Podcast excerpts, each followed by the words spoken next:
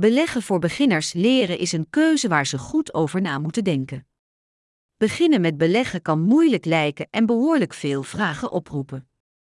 Daardoor schrikt beleggen beginners vaak af en dat is een gemiste kans, want handelen op de beurs is niet moeilijk en hoeft ook weinig risico tot gevolg te hebben. Via dit artikel leggen we je uit wat beleggen voor beginners precies is en helpen we je een handje om onderbouwd te starten in de wereld van het grote geld. We beginnen met uitleggen wat beleggen inhoudt, benoemen dan waarom mensen beginnen met beleggen, bekende vormen waarin je kunt beleggen en, en de risico's die erbij horen en hopen je zo goed mogelijk te informeren, zodat jij ook met plezier met beleggen kunt starten.